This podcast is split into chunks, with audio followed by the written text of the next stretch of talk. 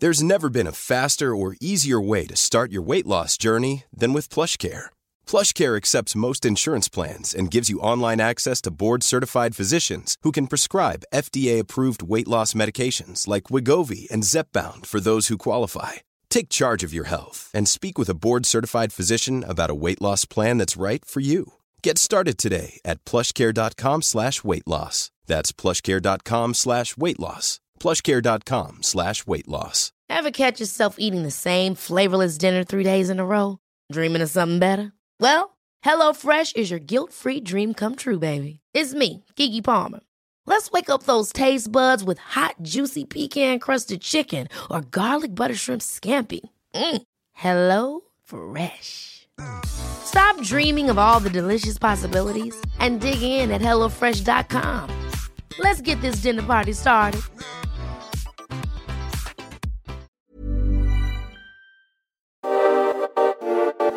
Ni lyssnar på Bagge och Brobacke podcast. I 30 minuter varje vecka kommer vi ge vår syn på marknaden med fokus på pris, makro och sentiment. Välkomna! Sådär, det var dags för avsnitt 21 av Bagge och Brobacke podcast. Eh, vi är tillbaka vid mickarna David. Kul att se dig. Yes! Hur mår du? Bra. Det känns som det har gått tre veckor sedan förra podden, men, men eh, jag har hunnit med en tre dagars konferens på Gotland eh, och Konferens. Eh, även köpt hus. Så det har varit mycket händelserika dagar. Spännande. Du, eh, plockar du med dig något kring marknaden från Gotland eller är det, var, det, var det mest liksom sidoaktiviteter? Det som händer på Gotland stannar på Gotland, men vi pratar Klassiker. mycket marknad. Ja, Mm. kul. Du, eh, vad säger du? Ska vi summera veckan som har gått? Det Mm. fortsätter att sälja av lite. Ja. Eh, det, det, vi är inne i en rekyl kan vi väl säga. Eh, sen om det ska utvecklas till något större, det vet vi inte. Men vi kan väl börja med att summera vad som har hänt. Ja, förra veckan så var vi inne på att vi trodde att den här septemberrekylen hade inletts och eh, under förra veckan så föll ju börserna, ja, det var inte mycket, men 1,5 procent på, på OMX och eh, var väl drygt ner 2 procent på veckan på S&P. Eh, fortsatt ner lite, framförallt i USA har det ju fortsatt ner den, den, eh, den här veckan, framförallt igår kväll. Eh, tycker att eh, Europa står ju mer som en sidlänges konsolidering de sista fyra, fem dagarna medan USA har haft en ganska svag utveckling de sista dagarna så att man börjar se lite relativ styrka där. Ehm, det som vi såg en rätt bra spik i VIX i fredags. Vi var uppe på 21, eh, strax över 21. Vi var uppe på 35 procent där sen, sen veckans low. Eh, men det man saknar egentligen för, alltså det som känns som det saknas i marknaden nu, det är för att ha en lite mer eh, tydlig botten, det är ju att vi ska ha lite mer rädsla. Vi ska ha lite mer panikvolymer på Mm. nedsidan. Vi ska ha en spik i VIX på nytt. Liksom. Och jag tror det fortfarande kommer här kring, kring lösen eller i början på nästa vecka. Då. Men vi, Jag ser, inte vi ser ju mer rubriker tycker jag, bäsiga rubriker. Ja, ja, ja. Ehm, sådär. Eh, sen var det lite kul här, precis innan du klev ut från uh, föregående veckas sändning så sa du till mig, bli inte förbäsad nu Brobacke. Nej, det tycker jag fortfarande inte man ska vara. Nej, Eh, därför att eh, jag tror inte att det... Jag tror att vi hyfsat... Jag tror att vi till nästa... Det kanske är famous last words, men jag tror att vi till nästa poddinspelning har haft botten faktiskt. oj. Eh, ja, jag, tror ju så här. eh, Kommande fem dagarna tror jag vi har botten.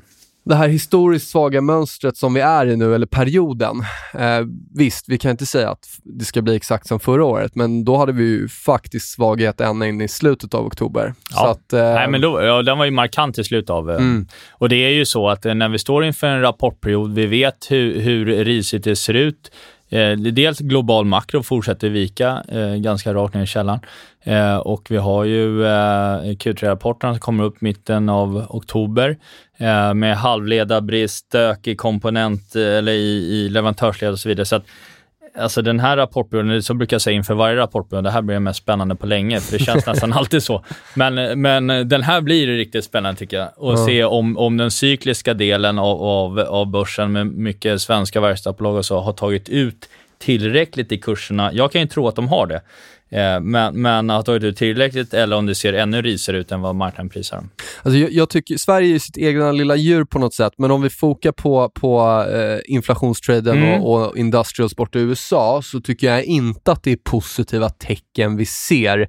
XLI hela vägen ner i rangen, har inte gjort någonting sen i maj. Nu har du hela midcap, small cap, micro cap som viker ner i rangen igen. Du har materials, du har, även om finans eh, handlades ganska bra, så också vekt ner här eh, igår och förrgår. Så att skulle vi bryta de här rangerna, de här många månader av range nu i de här kontrakten på nedsidan, eh, det tycker inte jag skulle vara alls ett, ett styrketecken. Nej, det... eh, vi har liksom väntat nu ganska många månader och sitter vi och pratar om att vi ska på den här inflationstraden igen och ska de bryta, för det, det roliga var ju att det, det är inte mer än en och en halv vecka sedan som, som de såg eh, bra ut allihopa. Men nu viker det ner igen, så det, det tror jag ändå man ska hålla koll på ser vi Kina här nu som, som handlas ner igen. Det är väl förvisso ingen ny lägsta, men det börjar ju röra sig där mm. eh, neråt. Mm. Jag håller absolut med om att vi ser ju relativ styrka i Europa, inte Sverige kanske, men Europa brett. Mm. Japan, mm. Eh, Indien ser starkt ut. Mm. Ja, Japan har ju varit fantastiskt. Ja, eh, oljan ser ju fortfarande väldigt stark ut när man kollar på terminen. XLE ja. fick ta lite stryk igår, men Räntor förvånar mig lite. Amerikanska tioåringen som ju faktiskt börjat ticka ner igen. Eh, jo, men gårdagens inflationssiffra var ju ganska eh, svag får man ändå säga. Och, det... ja, och vi är i rangen, absolut. Vi har inte gjort något där. Bunden ser ju, eh, eh korttyska tioåringen, den ser ju ser ju mer ut som att räntor ska upp i Europa just nu mm. och det är också kanske styrkan då i europeiska aktieindex vi ser. Mm. Nej, vi har ju Fed-möte, FOMC-möte nästa vecka eh, och det blir ju en, det är väl det, är väl det liksom, eventet som kan bli en trigger för, för räntorna i närtid. Då. Har du gjort några större förändringar? Eh, sen eh, i eh, Idag är det onsdag. I måndags eh, eftermiddag så tog vi hem vår, vår trade på Nicky som vi la på för, för tre veckor sedan. Eh, vi träffade inte botten precis när vi köpte. Eh, sen, ja, vi köpte lite tidigt, men, men det blev en vinst på 10 och eh, Japan är, Nikkei är väl upp ungefär 13,5 sen, eh, sen eh, den absoluta lågpunkten. Då. Och det är inte det att vi inte tror på Japan, men när du har fått en så pass stark rörelse på, på tre, tre och en halv vecka så känns det som att det skulle vara bra med en, om inte annat en paus där jag gärna köper, eller kommer vara köpare av Japan på nedställ. Så att i, i den bästa världen nu så drar det inte bara vidare rakt igenom gamla motstånd. Då. Så eh, lättat på kortningspositionerna köpt lite mer aktier eller? Eh, jag hade en bärpåse på eh, förra veckan. Eh, den stängde jag också nu på, mm. på de här nedställen som har varit då. Eh, eller nedställ och nedställ har inte hänt så jättemycket på OMX då, men sitter, jag, jobb, jag jobbar med kassan det, och det beror ju helt på vad man har för tidshorisont. Det är för att jag tror att, eh, eh, att börserna har mer att ge om vi sitter inne i vintern och jag, jag har ju varit ganska ganska mycket korta positioner. Jag har lättat ja. av lite, men jag har fortfarande kvar VIX, jag är fortfarande kort Industrials, jag är fortfarande kort Sverige eh, och jag tror, eh, jag, jag, vill se att vi inte får det där brytet, eh, eh, brytet ner i de här rangerna, för då, då tror jag liksom att eh, någonstans när någonting konsoliderar så pass länge som det har gjort ändå, om det då ska bryta på nedsidan i rangen, det, det är ju verkligen inget styrketecken för mig. Nej, vi har ju alla van, alltså vi har ju fortfarande så, liksom vi hade i våras, att de flesta är ju fortfarande tok överviktade aktier och så vidare, så visst finns det utrymme. Visst kan det absolut finnas säljare, eller kommer finnas säljare om, om det brunar till, så är det ju. Eh, men jag tror inte att det är så mycket mer än liksom 4% nedsida på, på börserna. Och risk-rewarden tror jag är positiv om man tittar in i in i, in i slutet av året om inte annat. Eh, ska man nämna någonting kanske om eh, Evergrande i Kina? Det är ju... Det tycker jag. Är det ett Black Swan-scenario Ja, alltså grejen är att det är, det är liksom inget nytt. Eh, menar, tittar man på den aktien så toppade ju den redan i juni 2000, 2020 då, och är ner 91 procent sedan dess. Um, så att det, det, att det har varit tungt för, för Kinas största fastighetsutvecklare är ju liksom inget nytt. Eh, de har ju 300 miljarder dollar i skulder. Eh, de är ju det mest belånade fastighetsbolaget i, i världen som nu står på ruinens brant. Medan det i natt att man inte kan komma, man kan inte betala räntan på de lån som förfaller i nästa vecka. Då. Eh, och det ser väl allt troligare ut att, att regeringen måste baila ut det där bolaget. Skulle de inte göra det så blir det ju en ganska, då kan det ju bli en, en, en, en bankkris i Asien eh, egentligen, helt klart. Då. Eh, senaste månaden har bondsen börjat falla ganska duktigt också, de är ner 50 procent eller något sen i våras. Eh, och idag downgradar också S&P kreditutsikten för bolaget. Så att, eh, hur tror vi att det slår på bredare Kina-index? Jag har ju hållit mig från att köpa någonting. Den där CQQQ vände faktiskt ner exakt vid, vid eh, trendlinjen. Mm, Ingen mm. ny lägsta. Det jag skulle vilja se att den försvarar typ 66, vilket är 2018-toppen. Eh, agerade botten 2020 och det vore ju supertrevligt och Polarity och hela den grejen om den kan försvara den botten nu också. Men jag, mm. jag avvaktar och ser. Jag vill se vad det här spelar ut. Hur tänker du kring er Kina-exponering? Eh, jag, jag, tror att vi, vi, um, vi är inne i ett, jag, så jag tror generellt att vi är inne i ett bottenbygge och jag tror att uh, Kina kommer få hjälp av en, en, en kreditimpuls som på nytt vänder upp senare under hösten och att eh, jag tror fortfarande dollarn eh, ska eh, liksom ge upp styrkan för in i toppbygge där. Eh, och blickar vi fram några veckor så, så tror jag att dollarn kommer försvagas ganska kraftigt. Skulle du, köpa på, skulle du köpa på ett ytterligare nedställ här? Ja, det skulle jag göra faktiskt. Mm. Eh, det skulle jag göra. Framförallt kan det ju vara så att om, om, om vi ser nu lite... Men jag ser hellre ja, alltså någon som visar riktig styrka. Jag tror Japan kommer nog fortfarande outperforma Kina. Just det. Liksom, just det. Sen kan det ju bli det där catch-up-gamet, för ska vi få en bra global eh, liksom, HS, kollar du på VEU som är liksom världen minus USA, så mm. ligger den faktiskt väldigt nära high. Så jag tror ju, visst, Japan, sådär, Indien ser också starkt ut, men jag tror att Kina och emerging markets kan nog komma ikapp jäkla bra om, om det här börjar plana ut. Ja, de kan göra det.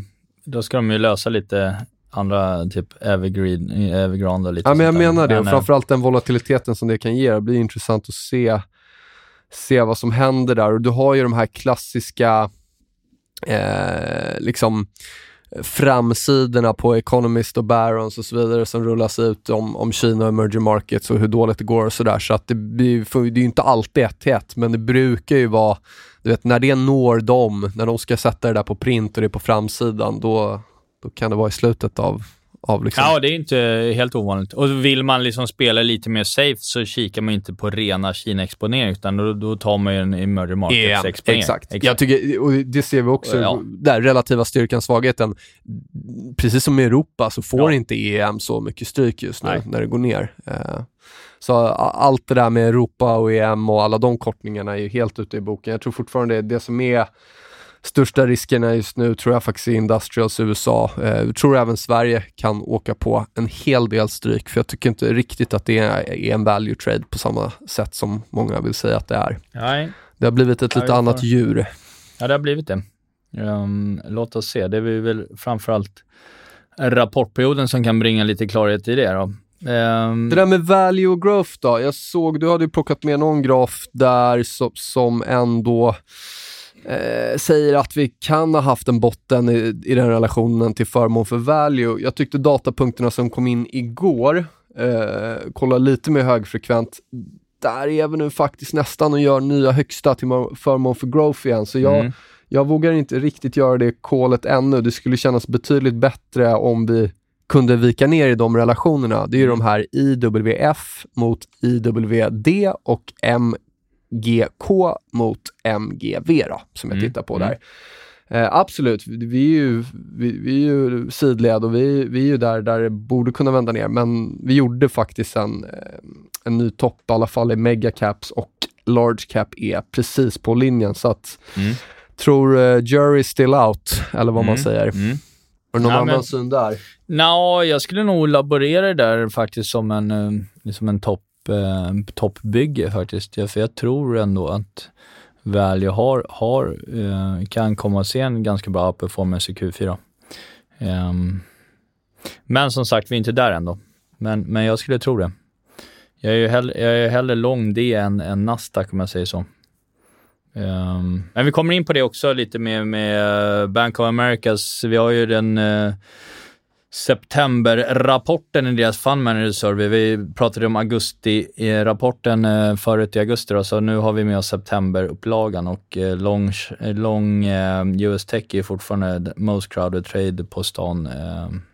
Vad är nummer två? ESG eller? Uh, ja, det, vi, vi kommer det, men, men det är ESG och sen är det fortfarande short China uh, stocks. Um, ska man prata lite index då? Det tycker jag. Vi ja. kör. Wow!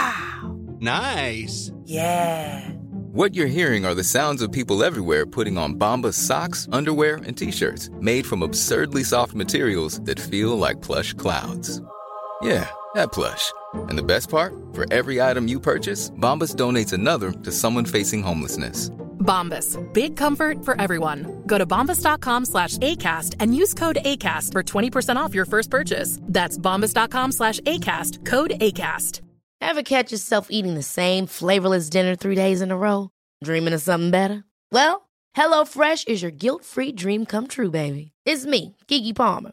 Let's wake up those taste buds with hot, juicy pecan crusted chicken or garlic butter shrimp scampi.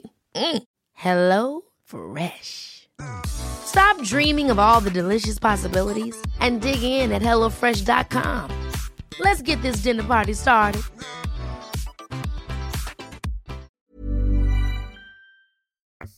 Eh, vi är ner, vi, vi har pratat om i, i att vi, vi, bör ha en, en rekyl i september och eh, S&P är ner typ 100 punkter eh, sen, sen, eh, eh sen highs, eller 110, lite över 2 procent. Eh, det, som det som är, är som vi, som vi nyss sa, det är ingen riktig Alltså det är ingen riktig, eh, folk kastar liksom inte in handduken och paniksäljer, eh, så det är inga riktiga höga volymer om man tittar på SPY-ETFen och så, som det ofta är vid bottnar i USA.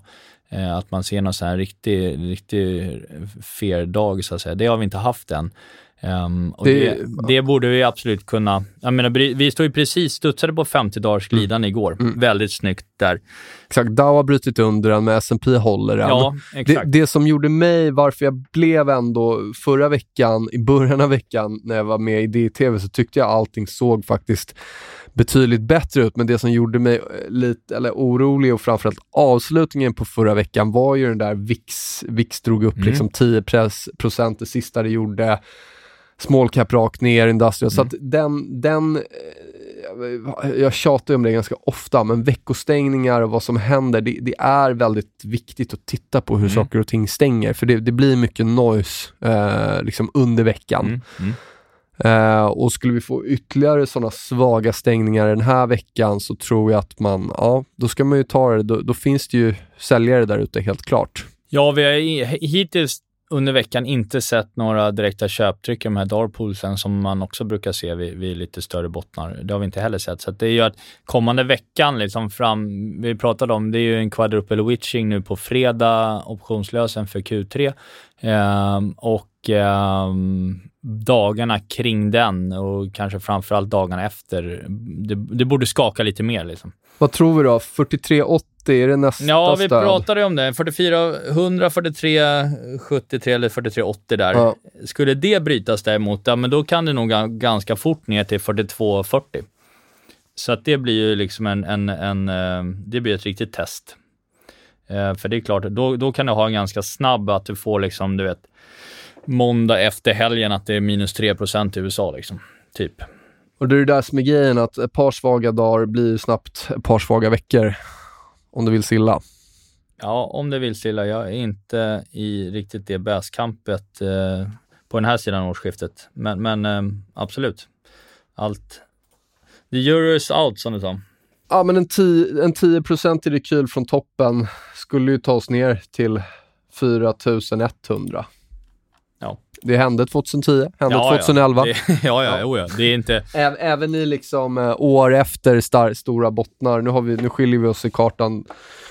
Äh, men, men äh, ja, vi får se. Vi får se.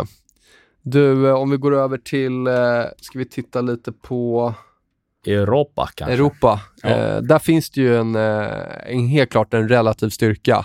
Ja, Och det borde stärka din tes om att det är value då. Och där ser vi också att, som jag sa, tyska tioåringen går ju, räntan tickar ju på eh, mer uppåt. Mm. Eh, US 10 ger mer sidled, Mm. så det stärker den tesen. Eh, vi ser egentligen ganska bra relativ styrka i många europeiska länder. Att Mm. vi har sett det i liksom Sverige och eh, Estland och Tyskland och sånt. Liksom, det, det är väl en sak, men Italien försvarar liksom, tidigare toppar som nu börjar Mm. agera bottnar. Mm. Jag menar, om Italien inte eh, viker ner, då kan det inte vara så illa i Europa, eller? Nej, och tittar man sektor, bank. sektormässigt så är bankerna, autos och oil and gas är ju strax under sina liksom, toppar från augusti, så vi har inte fått någon breakout än. Så det är ganska tydliga motståndsnivåer. Eh, men, men jag tycker när man tittar på kommentarer från, från Daimler på, på Mercedes i, i, i morse, liksom att, att de ändå tror att det blir en, en hyfsad eh, liksom, leveranser och så under hösten och så här. Så mycket, många aktier har ju, i min värld har man ju tagit ut rätt duktigt i många. Liksom. Vi satt och kollade på SKF här innan sändning exempelvis. Jag kan tycka den börjar se intressant ut. Jag tycker Volvo ser helt klart intressant ut. Autoliv för den delen. Så att... ehm, Ja, men alltså liksom SKF, den är ju under 2015-toppen nu. ja, det har inte varit någon bull market i den. Det har inte varit någon melt-up i och det är SKF. inte så att du har fått 10% div per år heller i den. Jag tror att när det gäller SKF, du, jag, jag är inte så säker på att det vänder här, men däremot du har ju typ 5% ner till 200 kronor och det skulle ju vara i så fall eh, hela det motståndet från 2017 fram till 2020 i oktober. Ja. Eh, det, det är för mig, tror jag, en väldigt viktig nivå. Eh, inte säker på att nedgången är klar här i SKF faktiskt. Ja, och sen är det så här, många av de här bolag, alltså bolag specifikt, så är det, det kanske inte kommer in Alltså det kanske inte kommer in några större köpare när det är en månad kvar till rapport heller. Ja, men det nämnde Eh, du sist, så ju, är att man ju vill liksom. vänta på det. Ja, men så, eh, Ja. så, det- så är det ju. Liksom. Däremot kommer rapporterna i, i de här bolagen, om de inte blir så dåliga som marknaden tror, då, då är det många som kan ställa upp ganska kraftigt på rapporterna. Vart köper man Volvo då? Är det ner vid 180 spänn igen? Står det 190 nu? Eller tror du att det är, det är nu man ska köpa? Ja, jag tror man kan börja köpa nu. Mm. Inga, som sagt, inga rekommendationer i den här podden.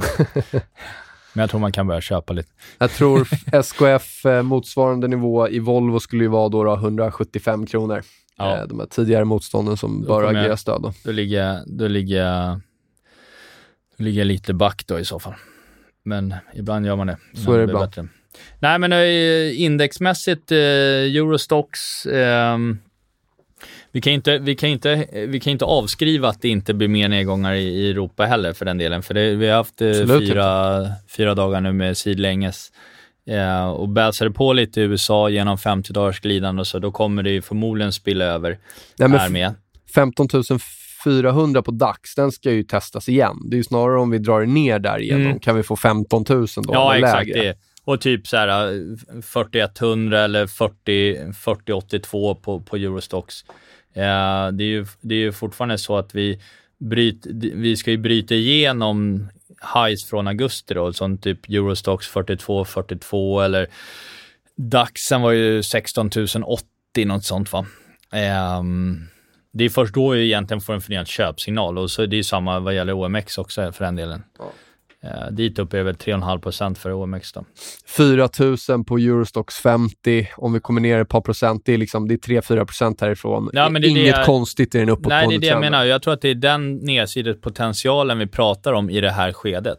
Och ser du de där stora spikarna i veckograferna från eh, april och maj, då, då, då, då lyckades de precis ta sig upp och stänga över 4 000. Ja. Så där tror jag man ska titta. Eh, om, det, om det blåser på på nedsidan så vill vi vara aggressiva köpare i Europa givet att den där 4000 håller på Eurostox tror jag. Ja, men det, är- vet, det är så pass lite om man säger potential på nedsidan i min värld, så är vi snackar 4% så att det är inte så att jag vågar ligga kort det här för att kanske göra 4% på en kortning. För risken är att det inte blir de här 4 procenten. Nej, men det, nej, exakt. Det är inte det du vill vara kort, utan snarare ändå om, om, om Eurostox gör det, då kommer Industrials i USA vara mer ner. Ja, ner. så är det. det är där Ja, du vill vara exakt. kort. Har du Eller lång, minus 10 lång. VIX. Ja, exakt. Exakt. Um, Nicky, där sa vi att vi hade släppt vår position där. Ehm, det var ju otroligt bra trade. Vi pratade, när vi, när vi pratade om Japan för ett par veckor sedan i podden så nämnde vi också en relationen mellan Nikkei och S&P. Eh, S&P sen dess, sen Nikkei bottna har ju också S&P stått eh, still. Så att den relationen är upp lika mycket som, som Nikkei och 13,5 procent. Eh, det är ju de som kollar på GAP stängningar och så på Nikkei finns det ju en sån nere på 29 150. Det är, det är 5 ner dit då. Och i den bästa världen skulle vi ha en sån gap-stängning då. Um, vi, har inte, vi har inte tagit, vi har inte liksom uh, vänt vår position och, och, och späcka på nedställ här, men, men uh, kommer ju helt klart lägga på en lång Japan igen här om, om vi faktiskt får en rekyl på mellan 3 och 5 procent. Alternativet är ju att det, det blir några dagar i sidled. Jag tror att det överlag börjar i alla fall stanna upp, tror jag, den här uppgången, för den har varit ruggigt impulsiv. Ja, men jag tror ju att vi ska upp mot, tittar vi in i vintern, eh, bort i slutet av Q1 om inte annat, så tror jag att vi ska se Nicky på 33 000 till 35 000. Så att i den världen är det ju fortfarande liksom 10, 12, 13 procent uppsida härifrån. Så det beror helt klart på vilken liksom typ av investerare man är. Då. Vi, kan ju, vi kan ju vara både liksom ganska snabbfotade också. Ehm, men den Japan-exponeringen jag har i min egna pensionsportfölj, eh, så att säga, den, den har jag inte tagit hem vinst på, utan den får ligga kvar till i vinter. Så jag inte drabblar bort mig där.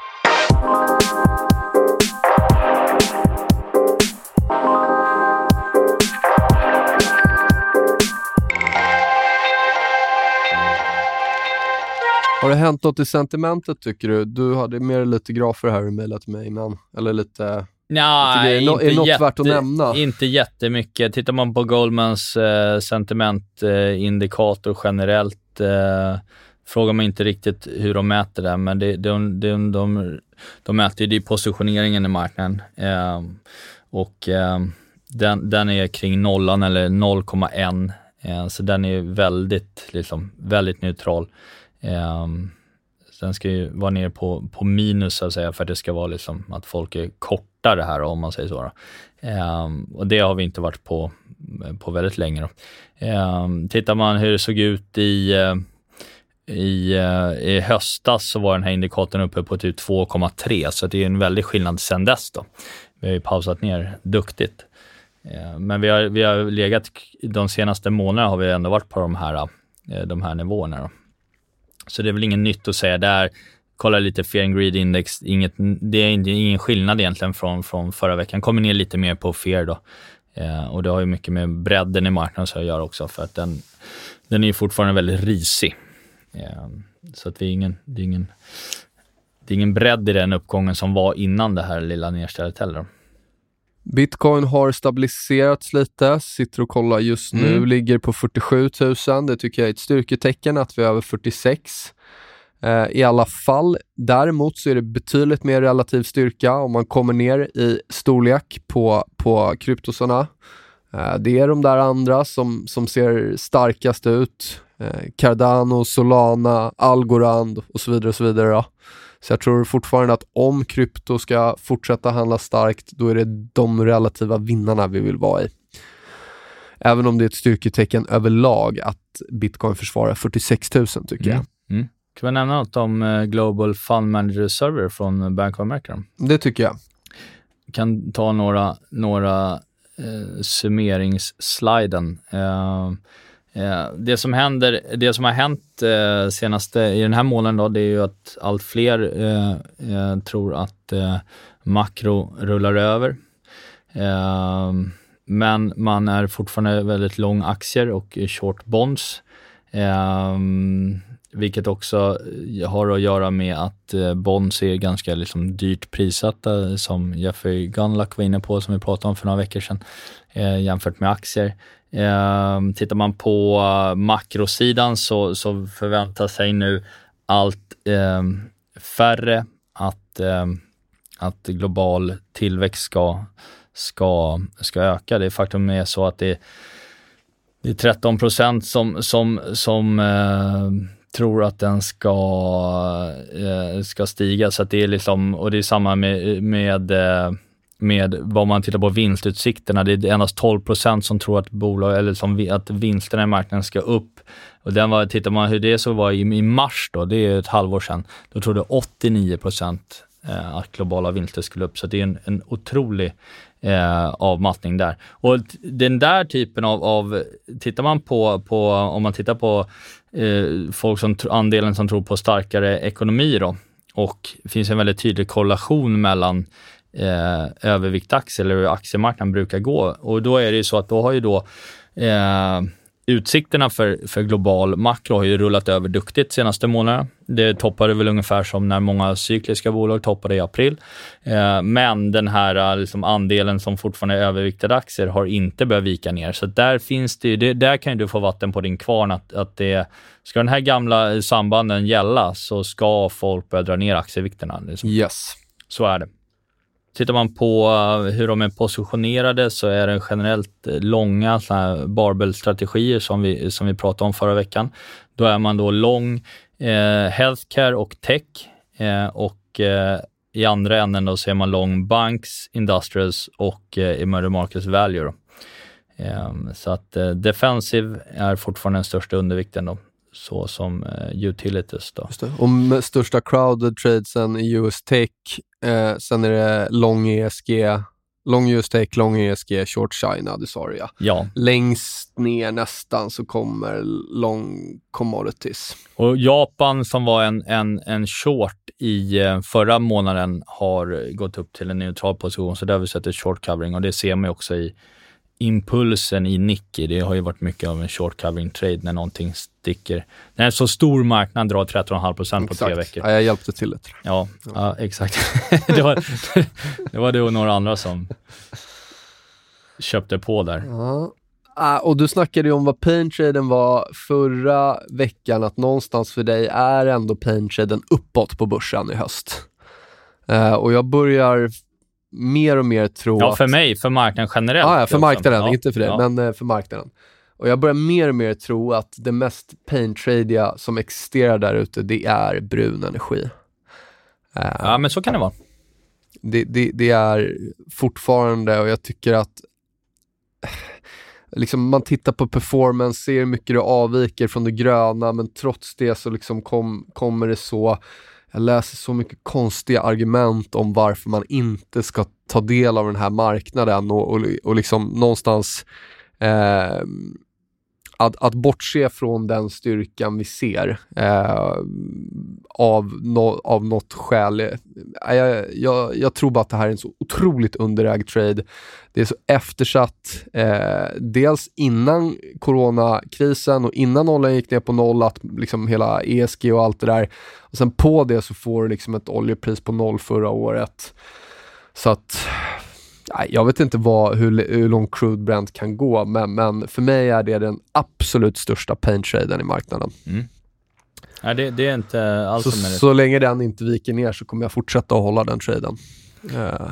Om man ändå är inne på energi så tycker jag faktiskt att um många delar av den gröna energin. Om man tittar på de här gamla HÅS-aktierna liksom, och hela liksom hydroplayet eller carbon och, och, hela den, den delen av marknaden som var väldigt, väldigt hett från oktober, november förra året upp i januari när, när, eh, när Biden kom med nya, sina nya klimatsatsningar i USA. Och där toppade vi också ungefär samtidigt som han annonserade i, i januari. Många av dem är ju ner mellan 50 och 70 procent. Stämmer. Jag, jag, tycker ändå att många av de liksom, aktier man kikar på är eh, ser ut att vara inne i liksom väldigt stora bottenformationer. Ja, vi har ju nu, om vi tar TAN, som är den här Solar ETFen, mm. den har ju faktiskt konsoliderat nu i vad är det, en, fyra, fem månader här mm. och mm. lyckas inte bryta ner trots att den ser ut att göra det och den är mm. kraftigt mycket sämre än, än brun energi. Men, men som du säger, om nu energibrett ska få ett race, då kanske det här borde ta vid här nu. Och vi ser nu ändå liksom många såna här stickor på nedsidan, men vi lyckas ändå stänga lite högre. Så att mm. Det kanske kan vara så att det även kan bli intressant att börja plocka på de här TAN eller QCLN och så vidare. Mm. Lite bredare. Vi kanske ska ha lite, ett brett energirally. Det ena behöver ju inte förklara Nej, det andra, nej, nej, även om nej, brun nej, har varit så relativt mycket starkare.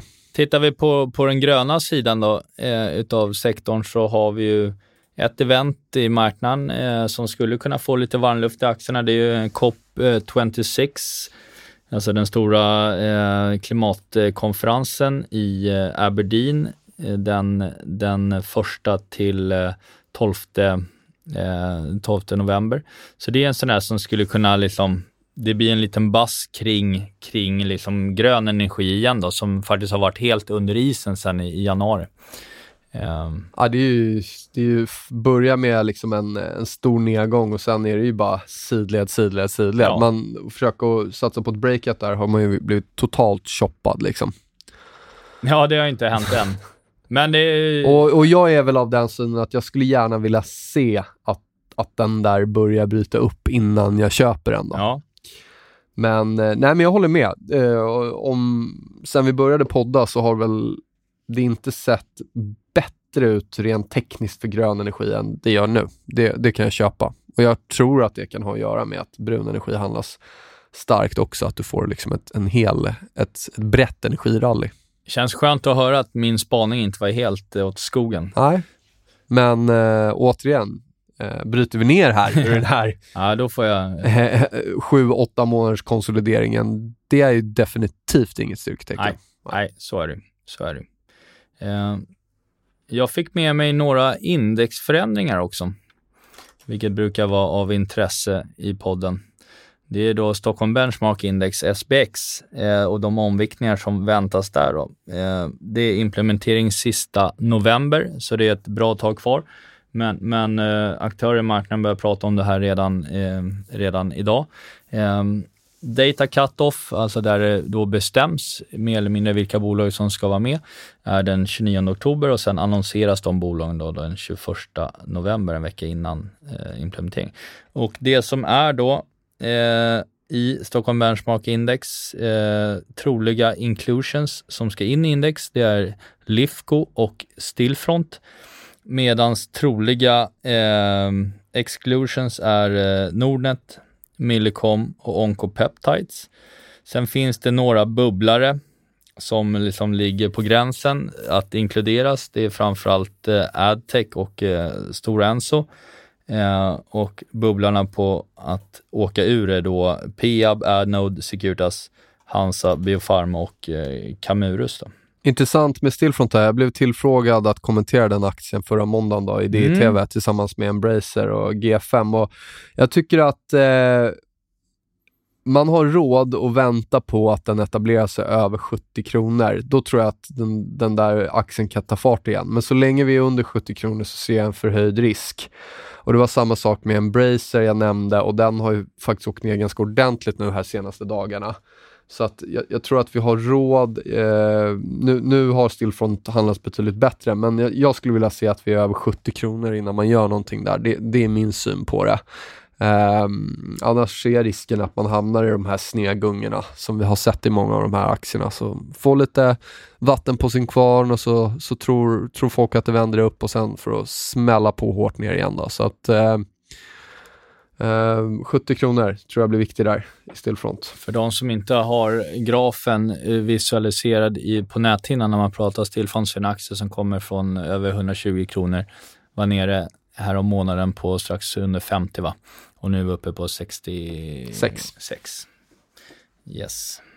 Så man har lite, kan tänka sig hur grafen ser ut. Ehm, I övrigt inte sådär liksom j- jättemycket spaningar. Eh, den här, vi är inne i rekylen som vi pratade om. Eh, det, jag tror man kan räkna med att det finns fortsatt risk på nedsidan, men jag tror inte att det är någon minus 10. Nej, jag, jag tycker det om. här fortsätter att vara ett frustrerande år. Jag, jag, ja, absolut. Vi gjorde nya all time highs på några eh, index för liksom ett par veckor sedan.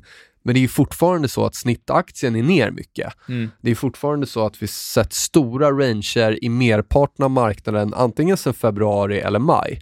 Mm. Eh, så att, eh, tycker analogin 2010, eh, 2004 fortsätter att, att hålla bra faktiskt. Ja, tittar vi på, uh, tittar vi, jag menar, Sverige står ju på samma nivå nu som i uh, andra veckan i juli. Så det är liksom... Och det är inte jättelångt ner till aprilnivåerna. Nej, det är Dags inte det. Dax är ju typ där också. Så att, och, åter, nej, exakt. Så återigen visar det ju i år igen att aktier är en, en, en vintersport. Eh, den starka perioden på börsen är generellt från början av november, slutet av oktober, till, upp till april. Och eh, skulle man kört det racet i, i år så har man ju inte på breda index eh, i Sverige eh, har du inte, du har inte liksom du har inte förlorat mycket alls i, i eh, alternativkostnader att stå utanför marknaden sen i april egentligen. Så är det. Man har förlorat en del om man har haft en koncentrerad portfölj mot vissa favoriter dock. Så är det. Så är det. Så är det. Ja, vad säger du Bagge? Börjar vi bli klara eller? Ja, jag tycker det. Ja. Jag tycker det. Mina viktigaste då. Håll koll på de här industrials-kontrakten borta i USA. Får vi bryt ner i de rangerna som har varit i så många månader eller small cap och så vidare. Det, det, det, det är lite läskigt. Skulle Kina mata på ner här och håll koll på det där fastighetsbolaget då, eh, såklart. Eh, men annars tycker jag inte att synen har förändrats. Jag ligger kvar med eh, lite skydd på nedsidan, även om jag har lättat lite på dem. Uh, även om vi får bugg i botten kan vi kalla den då här i september eller broback i botten i oktober så uh, är det ett, ett, ett, eh, en volatil och sidledesperiod. Härligt, det är en lite head-to-head-match. Liksom, ja, men jag liksom, gillar det. Vi måste skapa lite, vi kan inte bara sitta och hålla med varandra. Nej, så det blir fjantigt. Nej, Skämt åsido, det är det som gör marknaden. Du, eh, tack för att ni lyssnar, tack för att ni kommenterar. Eh, ja, var snälla där ute och ha det bra. Yes, Ta hand om er. vecka. Tja! Hej då!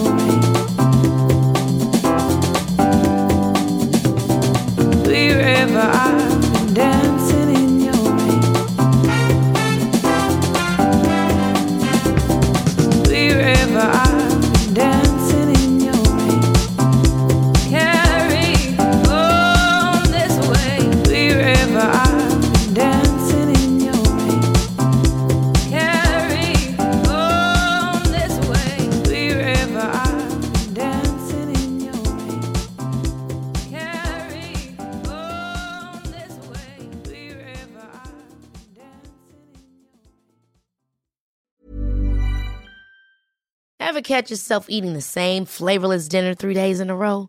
Dreaming of something better? Well, HelloFresh is your guilt-free dream come true, baby. It's me, Gigi Palmer. Let's wake up those taste buds with hot, juicy pecan-crusted chicken or garlic butter shrimp scampi. Mm. Hello Fresh. Stop dreaming of all the delicious possibilities and dig in at HelloFresh.com. Let's get this dinner party started. Hi, I'm Daniel, founder of Pretty Litter. Cats and cat owners deserve better than any old fashioned litter. That's why I teamed up with scientists and veterinarians to create Pretty Litter. Its innovative crystal formula has superior odor control and weighs up to 80% less than clay litter. Pretty Litter even monitors health by changing colors to help detect early signs of potential illness. It's the world's smartest kitty litter. Go to prettylitter.com and use code ACAST for 20% off your first order and a free cat toy. Terms and conditions apply. See site for details.